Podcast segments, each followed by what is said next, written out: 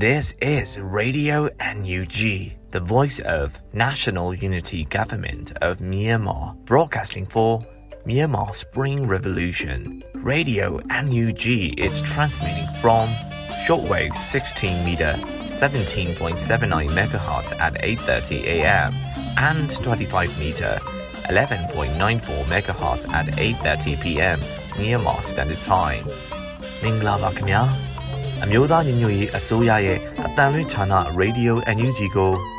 မနက်ပိုင်း၈နာရီခွဲမှာလိုင်းတို16မီတာစက္ကန့်တက်သမ9 MHz ညပိုင်း၈နာရီခွဲမှာလိုင်းတို25မီတာ17တက်သမ6 MHz တို့မှာဓာတ်ရိုက်ဖမ်းယူနိုင်နိုင်ပါပြီမင်္ဂလာအပေါင်းနဲ့ပြည့်စုံကြပါစေအခုချိန်ကစပြီး Radio NUG အစီအစဉ်တွေကိုဓာတ်ရိုက်အတန်လွှင့်ပေးနေပါပြီ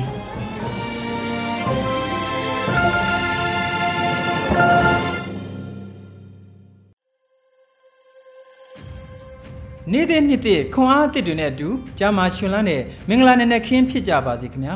ຫນွေဦးစစ်သည်ရေဒီယိုအန်ယူဂျီမှကြာယာတာဝန်များကိုထမ်းဆောင်ရန်အတွက်ဇန်နဝါရီလ2ရက်နေ့မနက်ခင်းထုတ်လွှင့်မှုစီစဉ်တွေကိုစတင်ပါတော့မယ်ကျွန်တော်ကတော့လွတ်လပ်နေဦးပါခင်ဗျာ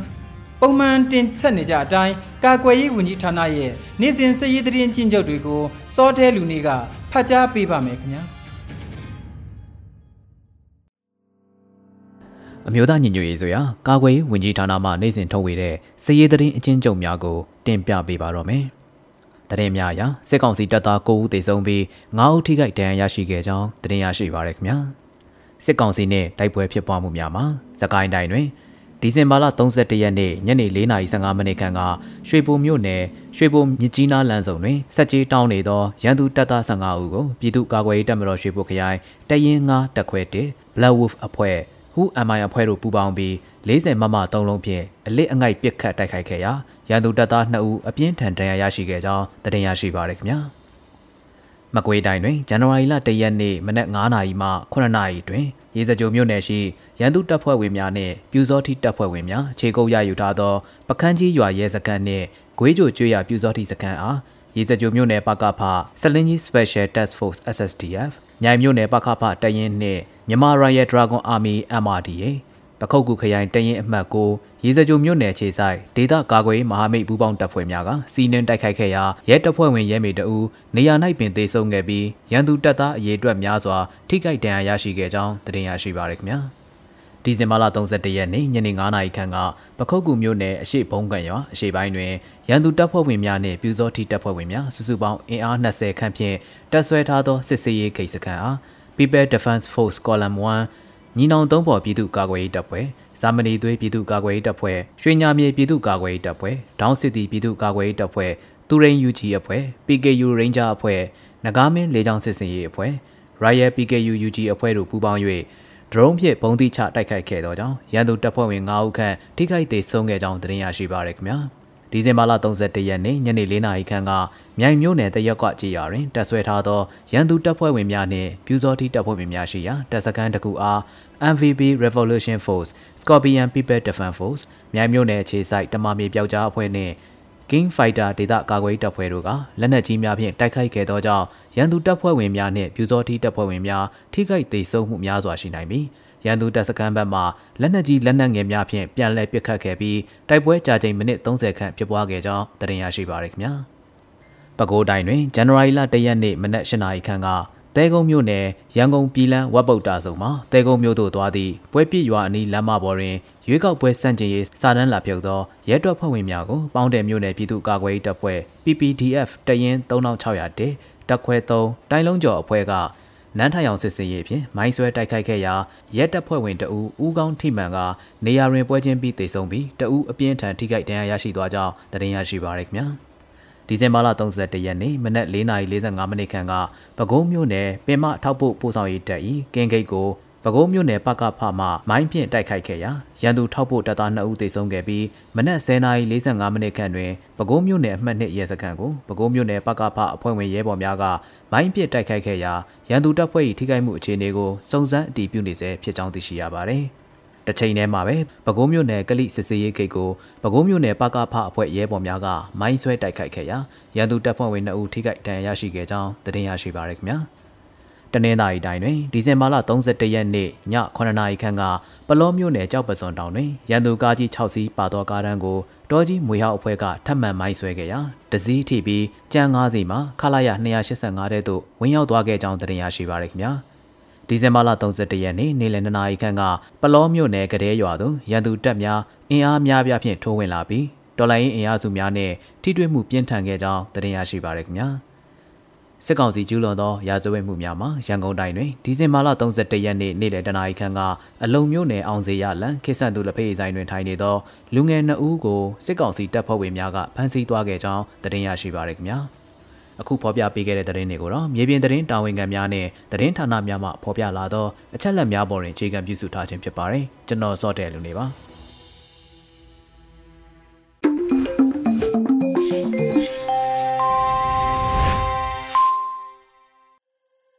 စစ်ရေးသတင်းတွေကိုနားဆင်လို့ပြီးမှနောက်ဆုံးရသတင်းများအစီအစဉ်အလှည့်ဖြစ်ပါတယ်။ຫນွေဦးမွန်ကဖတ်ကြားပါမယ်ခင်ဗျာ။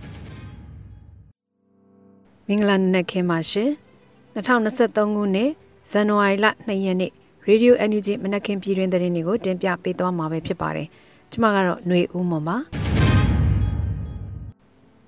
တိုင်းသားတော်လှန်ရေးအဖွဲ့အစည်းအားလုံးနဲ့ချိတ်ဆက်နိုင်ခဲ့တယ်လို့အရေးကြီးတဲ့အဖွဲ့အစည်းတွေနဲ့လည်းစီရေးနိုင်ငံရေးပူးပေါင်းနေပြီလို့ယာယီသမရဒူဝါလက်ရှိလအတိပေးဆိုတဲ့သတင်းကိုတင်ပြပေးပါမယ်။ဒိုင်းနာဒေါ်လာရေးအဖွဲ့အစည်းအားလုံးနဲ့ချိတ်ဆက်နိုင်ခဲ့တယ်လို့အရေးကြီးတဲ့အဖွဲ့အစည်းတွေနဲ့လည်းစီရေးနိုင်ငံရေးပူးပေါင်းနေပြီလို့ ယာယီသမရဒူဝါလက်ရှိလကဆိုပါတယ်။ဇန်နဝါရီလ၁ရက်နေ့မြို့သားညီညွတ်ရေးအစိုးရယာယီသမရဒူဝါလက်ရှိလအနေဖြင့်ပြည်သူလူထုထံပြောကြားတဲ့နိုင်ငံတော်အခြေပြမိန့်ခွန်းမှာထည့်သွင်းပြောကြားခဲ့တာဖြစ်ပါတယ်။လွန်ခဲ့တဲ့2022တစ်နှစ်တာအတွင်းမှာအမျိုးသားညီညွတ်ရေးအစိုးရဟာတိုင်းသားတော်လှန်ရေးအဖွဲ့အစည်းများနဲ့ယုံကြည်မှုကိုပုံမတည်ဆောက်နိုင်ခဲ့တယ်လို့လက်တွေ့ကျကျပူးပေါင်းဆောင်ရွက်မှုတွေကိုလည်းလှုပ်ဆောင်နိုင်ခဲ့ပြီးဖြစ်ပါတယ်။လက်ရှိအချိန်ထိတိုင်းသားတော်လှန်ရေးအဖွဲ့အစည်းအားလုံးနဲ့ချိတ်ဆက်နိုင်ခဲ့တယ်လို့ရေးကြီးတဲ့အဖွဲ့အစည်းတွေနဲ့လည်း စစ်ရေးနိုင်ငံရေးပူးပေါင်းမှုများကိုခိုင်မာကောင်းမွန်စွာဆောင်ရွက်လာနိုင်ပြီဖြစ်ပါတယ်လို့ဆိုပါတယ်။မြို့သားညီညွတ်ရေးအစိုးရဟာလက်ရှိမှာ KNU KIA စတဲ့တိုင်းသားတော်လှန်ရေးအင်အားစုများနဲ့စစ်ရေးနိုင်ငံရေးများလည်းပူးပေါင်းလှုပ်ဆောင်လျက်ရှိပါတယ်ရှင်။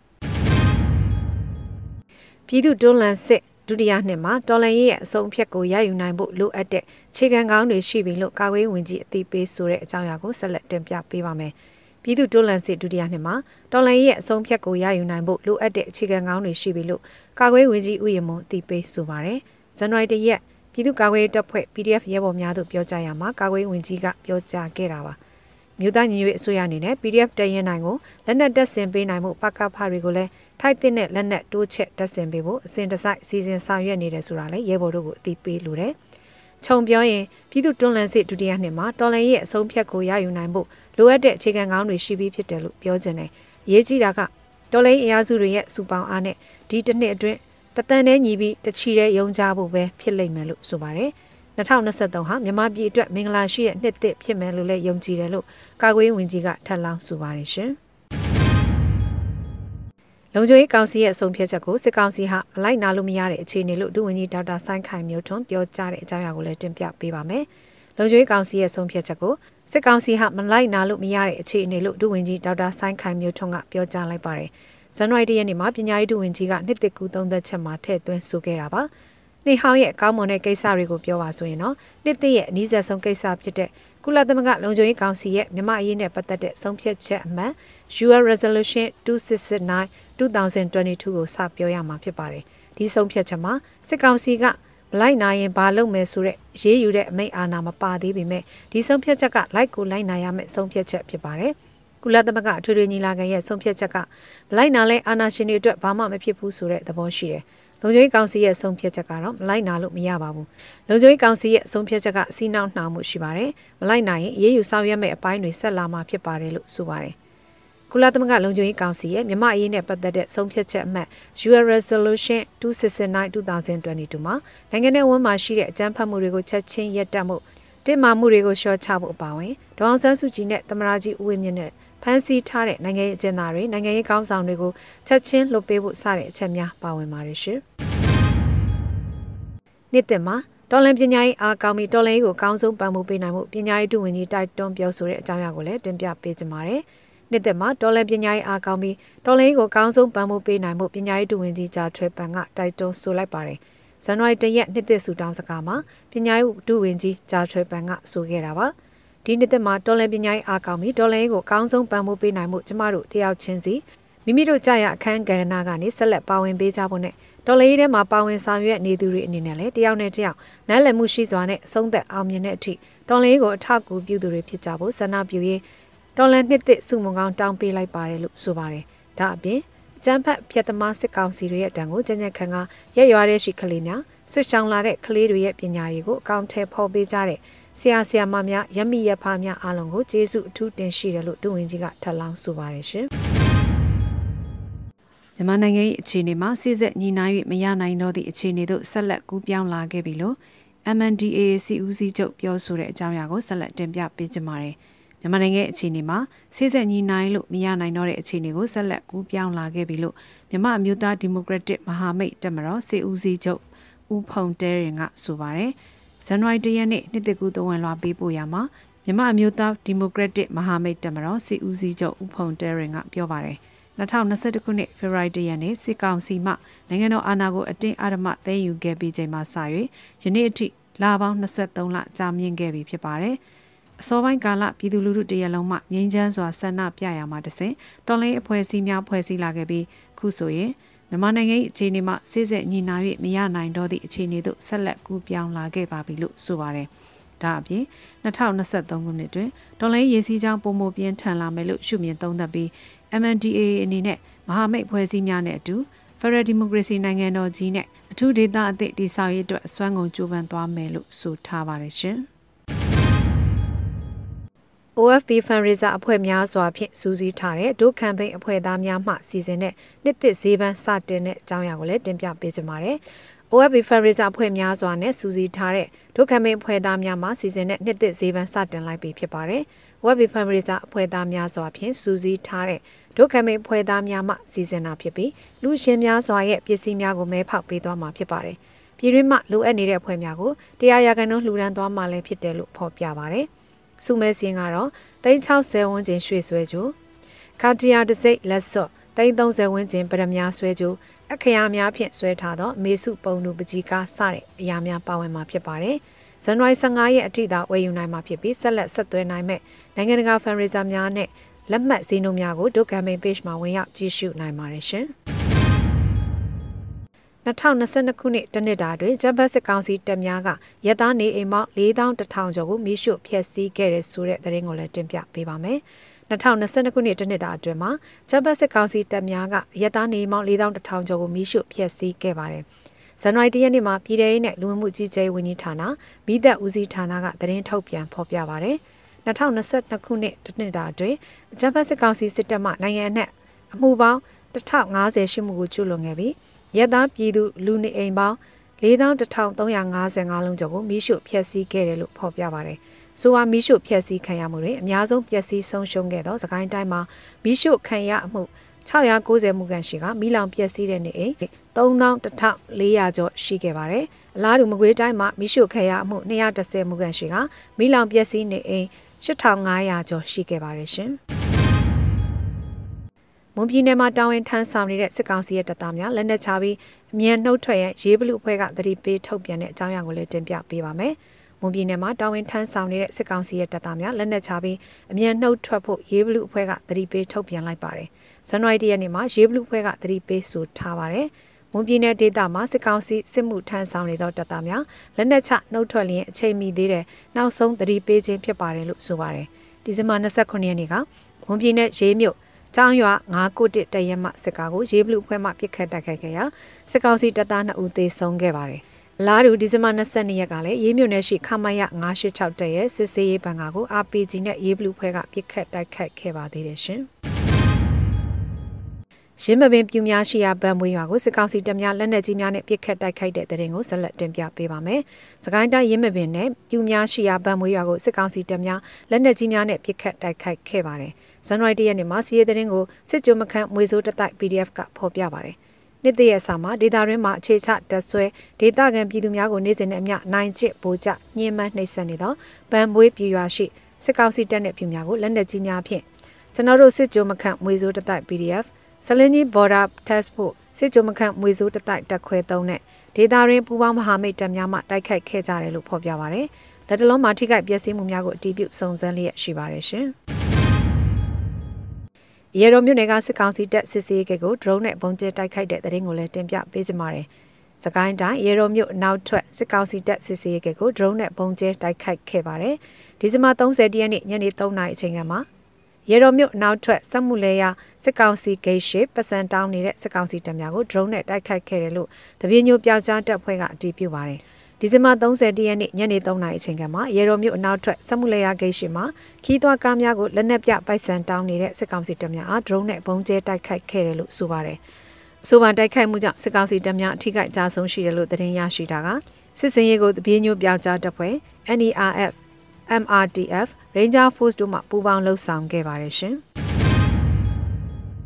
ကောလင်းမြို့နယ်မှာတရက်ထဲနှစ်ကြိမ်တိုက်ခိုက်မှုဖြစ်ပွား၍ စစ်ကောင်စီတပ်ကတအူးသေးဆုံးတဲ့တဲ့ရင်ကိုလည်းတင်ပြပေးပါမယ်။စကိုင်းတိုင်းကောလင်းမြို့နယ်ထွေအုပ်ရုံအတွင်းသို့လက်လုံ40မမများနဲ့ပစ်ခတ်ခဲ့တယ်လို့သတင်းရရှိပါရယ်။ဇန်နဝါရီ၁ရက်နေ့မွန်းလယ်12:30မိနစ်ချိန်မှာကောလင်းမြို့နယ်ထွေအုပ်ရုံကိုပကဖတိုက်ခိုက်ရေးတပ်စိမ့်မှပစ်ခတ်ခဲ့တာလို့ကောလင်းတော်လိုင်းအရာစုကအတည်ပြုပါရယ်။ဇန်နဝါရီ၁ရက်နေ့မွန်းလယ်12:30မိနစ်ချိန်မှာကောလင်းမြို့နယ်ထွေရုံကိုပကဖတိုက်ခိုက်ရေးတပ်စင်မှမြို့နယ်ထွေအုပ်ရုံအတွင်းသို့လက်လုံ40မမများဖြင့်ပစ်ခတ်ခဲ့ပါတယ်။ ထွေအုပ်ရုံအတွင်းစစ်ကောင်စီများထောင်ထားသော60မမအနီးသို့ကြားရောက်ခဲ့ပါတယ်လို့ဆိုပါတယ်။လာတူညနေပိုင်းမှာကောလင်းမြို့လမ်းမကြီးအထက်ကအနီးရှိစတားမှာစစ်ကောင်စီတပ်ကခြေလင်းကင်းလက်ကိုမိုင်းဆွဲတိုက်ခိုက်ခဲ့ရာတအူးသေးဆုံးပြီးထိခိုက်မှုများရှိတယ်လို့ KR ထင်းကဖော်ပြပါတယ်ရှင်။ခုတင်ပြခဲ့တဲ့သတင်းတွေကိုတော့ Radio Energy သတင်းတောက်မင်းမင်းကပေးပို့ထားတာဖြစ်ပါတယ်။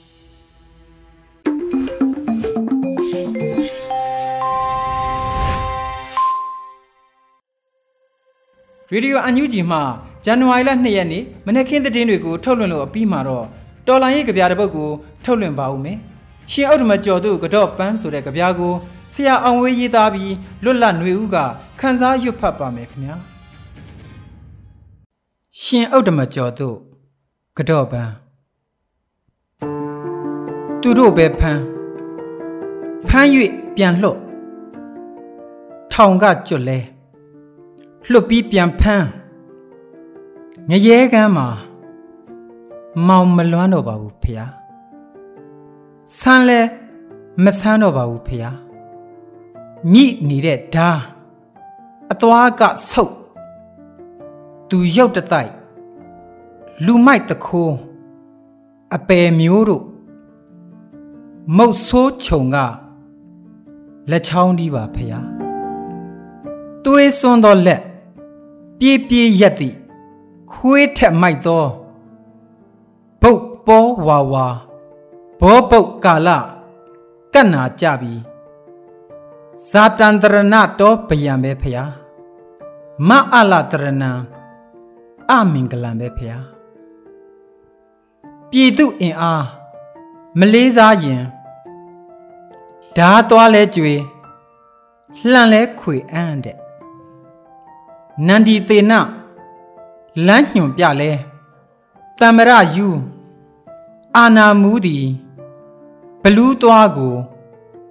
လက်ဖြဲဒီပါဖျားစစ်ခွေးအုတ်အုတ်ရွာမီးရှို့ခိုက်ငို့ဘဖုံဆိုးစင်ကန်းတိုးတို့အမျိုးဘာသာသာသနာဟု အာနာတဝက်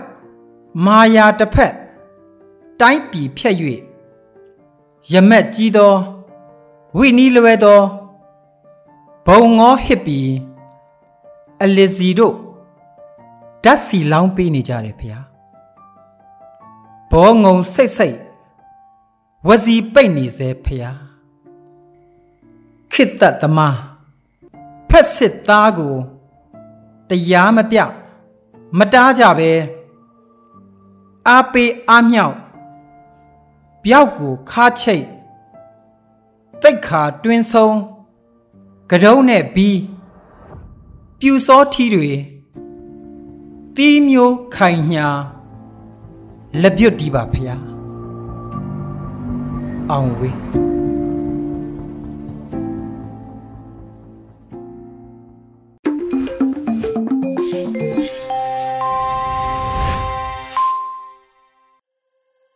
ရရေဒီယိုအန်ယူဂျီမှဆက်လက်အသံလွှင့်နေပါတယ်အခုတခါပြည်သူခုခံစစ်သတင်းများကိုကျော်ຫນွေဦးကဖတ်ကြားပေးပါဦးမယ်ခင်ဗျာပထမအဦးဆုံးတင်ဆက်ပေးခြင်းတဲ့သတင်းကတော့တောင်စွန်း BGF စခန်းကို KNL သိမ်းပိုက်လိုက်တဲ့သတင်းဖြစ်ပါတယ်။ KNU တပ်မဟာ6နယ်မြေကရင်ပြည်နယ်ဖျားသုံးစုလမ်းကတောင်စွန်းနေကြားဆောင်တပ်ဖွဲ့ BGF စခန်းကို KNL ကဒီနေ့မနက်သိမ်းလိုက်ပြီလို့ KNU တပ်မဟာ6သတင်းရင်းမြစ်ကပြောပါတယ်။ ဒီနေ့မနက်3နာရီလောက်မှာ BGF စခန်း3ခုထဲမှ2ခုကိုလောလောဆယ်တင်ထားပြီးလက်နက်ခဲယမ်းတွေလည်းအများအပြားရရှိက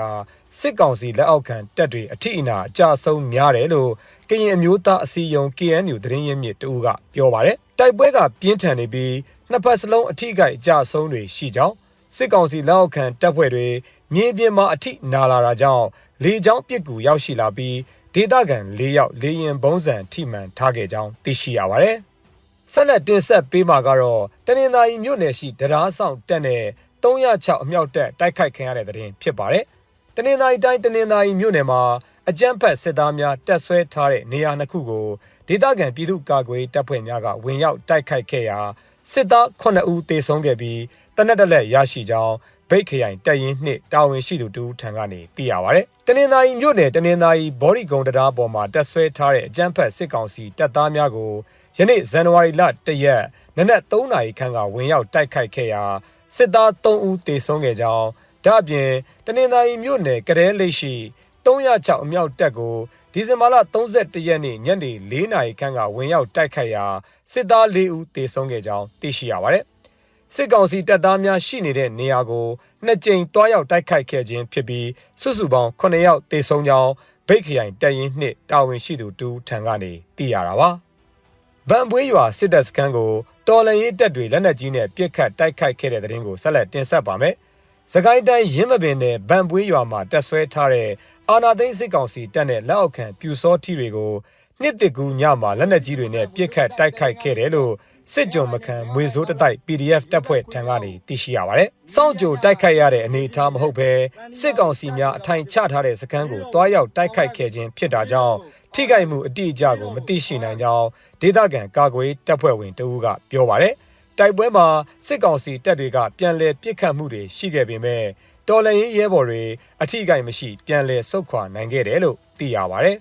။နောက်ဆုံးသတင်းအနေနဲ့မြင်းမှုမြို့နယ်မှာစစ်ကောင်စီတပ်ကိုတော်လန်ရေးတပ်တွေမိုင်းခွဲတိုက်ခိုက်တဲ့သတင်းကိုတင်ဆက်ပေးပါမယ်။စကိုင်းတိုင်းမြင်းမှုမြို့မှာအာနာသိန်းစစ်ကောင်စီတပ်ကိုမနေ့ကနှစ်တကူညမှာမိုင်းခွဲတိုက်ခိုက်ခဲ့တယ်လို့ People's Night Defense Force မြင်းမှုတပ်ဖွဲ့ထံကနေသတင်းရရှိပါရယ်။မြင်းမှုမြို့ကလွတ်လပ်ရေးကြောက်တိုင်နားမှာအထူးထုတ်ပါဆယ်မိုင်းနဲ့တိုက်ခိုက်မှုလုပ်ခဲ့တာလို့သိရပါရယ်။ပါဆယ်မိုင်းကိုစစ်ကောင်စီတပ်တွေစစ်ဆေးဖို့ဝိုင်းအုံနေစဉ်မှာဖောက်ခွဲတိုက်ခိုက်ခဲ့ပြီးတိုက်ခိုက်မှုကြောင့်စစ်ကောင်စီတပ်တွေပြန်လည်ပစ်ခတ်ခဲ့ပေမဲ့တော်လှန်ရေးရဲဘော်တွေအထိကိမရှိပြန်လည်ဆုတ်ခွာနိုင်ခဲ့တယ်လို့ဖော်ပြထားပါတယ်။တိုက်ခိုက်မှုကိုတော်လှန်ရေးမဟာမိတ်တပ်တွေပူးပေါင်းလှုပ်ဆောင်ခဲ့ပြီး စစ်ကောင်စီတပ်အထိအခိုက်ကိုစုံစမ်းနေစေဖြစ်တယ်လို့သိရပါတယ်ခင်ဗျာ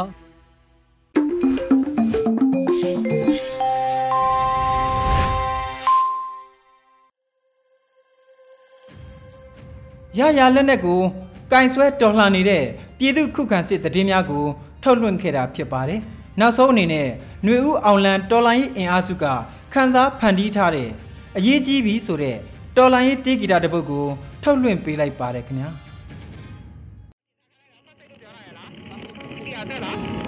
ဟုတ်တယ်ဟုတ်တယ်ဟုတ်တယ် first aid အဲ့အရှိအတွက် sorry ရပါရဲ့ရပါရပါလူလူမင်းရပါဟာရပါ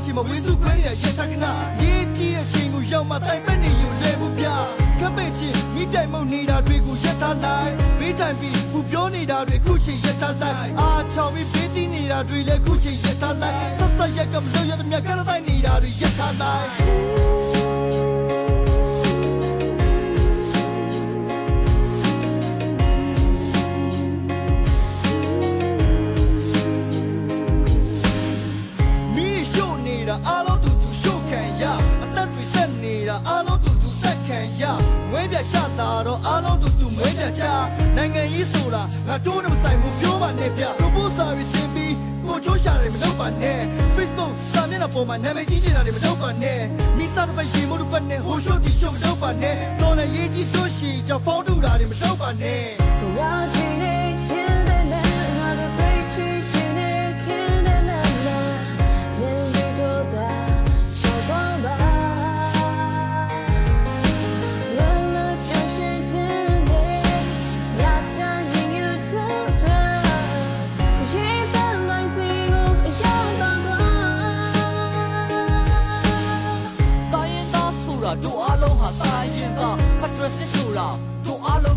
လုံးက Patriot နဲ့ပြည်တော်စုဆိုတာတို့အားလုံးရဲ့ပြည်တော်စုတော်လည်းရေးဆိုတာတို့အားလုံးကတော်လည်းရေးခွဲပါနဲ့ဗျမြင်ပြတ်တော့မခွဲပါနဲ့မခွဲပါနဲ့ဗျလူမျိုးပါတာမခွဲပါနဲ့မခွဲပါနဲ့ဗျအာနာရှိတိုင်းမခွဲပါနဲ့ငါမပိုင်မပြီးဘူးဆိုပြီးရှာရေးဆိုင်မခွဲပါနဲ့စဖမှု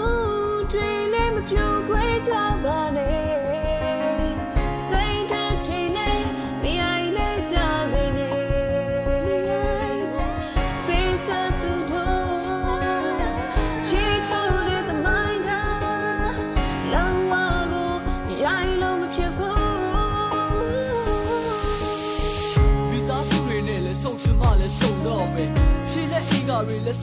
လည်းရှုံတော့မယ်အိမ်မြခုဆိုတာလည်းရချင်မှလည်းရတော့မယ်ပြန်ပြန်အိမ်ဆိုတာလည်းရှိချင်မှလည်းရှိတော့မယ် The one you need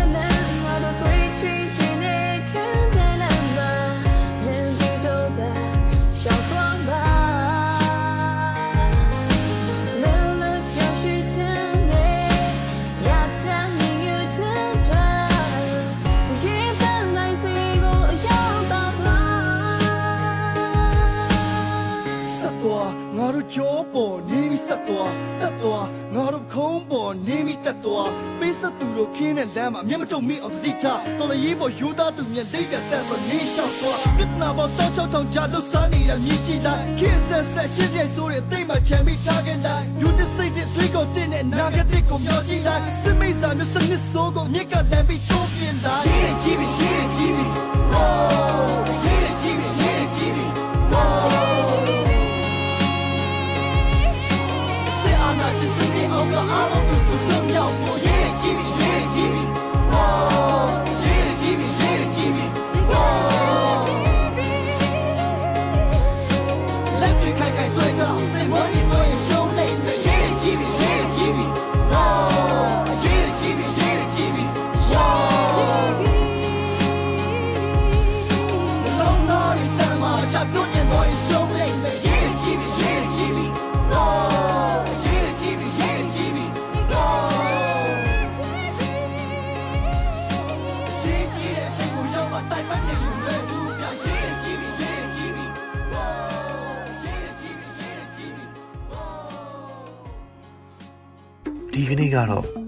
နေပဲ Radio NUG ရဲ့အစည်းအဝေးတွေကိုခਿੱတရနာလိုက်ပါမယ်မြန်မာစံတော်ချိန်မနက်၈နာရီခွဲနဲ့ည၈နာရီခွဲအချိန်တွေမှာပြန်လည်ဆုံးဖြတ်ကြပါစို့ Radio NUG ကိုမနက်ပိုင်း၈နာရီခွဲမှာလိုင်းဒို16မီတာ7.3 MHz ညပိုင်း၈နာရီခွဲမှာလိုင်းဒို25မီတာ17.6 MHz တို့မှာဓာတ်ရိုက်ဖမ်းယူနားဆင်နိုင်ပါပြီမြန်မာနိုင်ငံသူနိုင်ငံသားများကိုယ်စိတ်နှပြကျန်းမာချမ်းသာလို့ဘေးကင်းလုံခြုံကြပါစေလို့ Radio NUG အဖွဲ့သူအဖွဲ့သားများကဆုတောင်းလိုက်ရပါတယ်။အမျိုးသားညီညွတ်ရေးအစိုးရရဲ့စက်သွေးရေးသတင်းအချက်အလက်နဲ့ဤပညာဝန်ကြီးဌာနကထုတ်လွှင့်နေတဲ့ Radio NUG ဖြစ်ပါတယ်။ San Francisco Bay Area အခြေစိုက်မြန်မာမိသားစုများနဲ့နိုင်ငံတကာကစေတနာရှင်များလှုပ်အားပေးများရဲ့ Radio NUG ဖြစ်ပါတယ်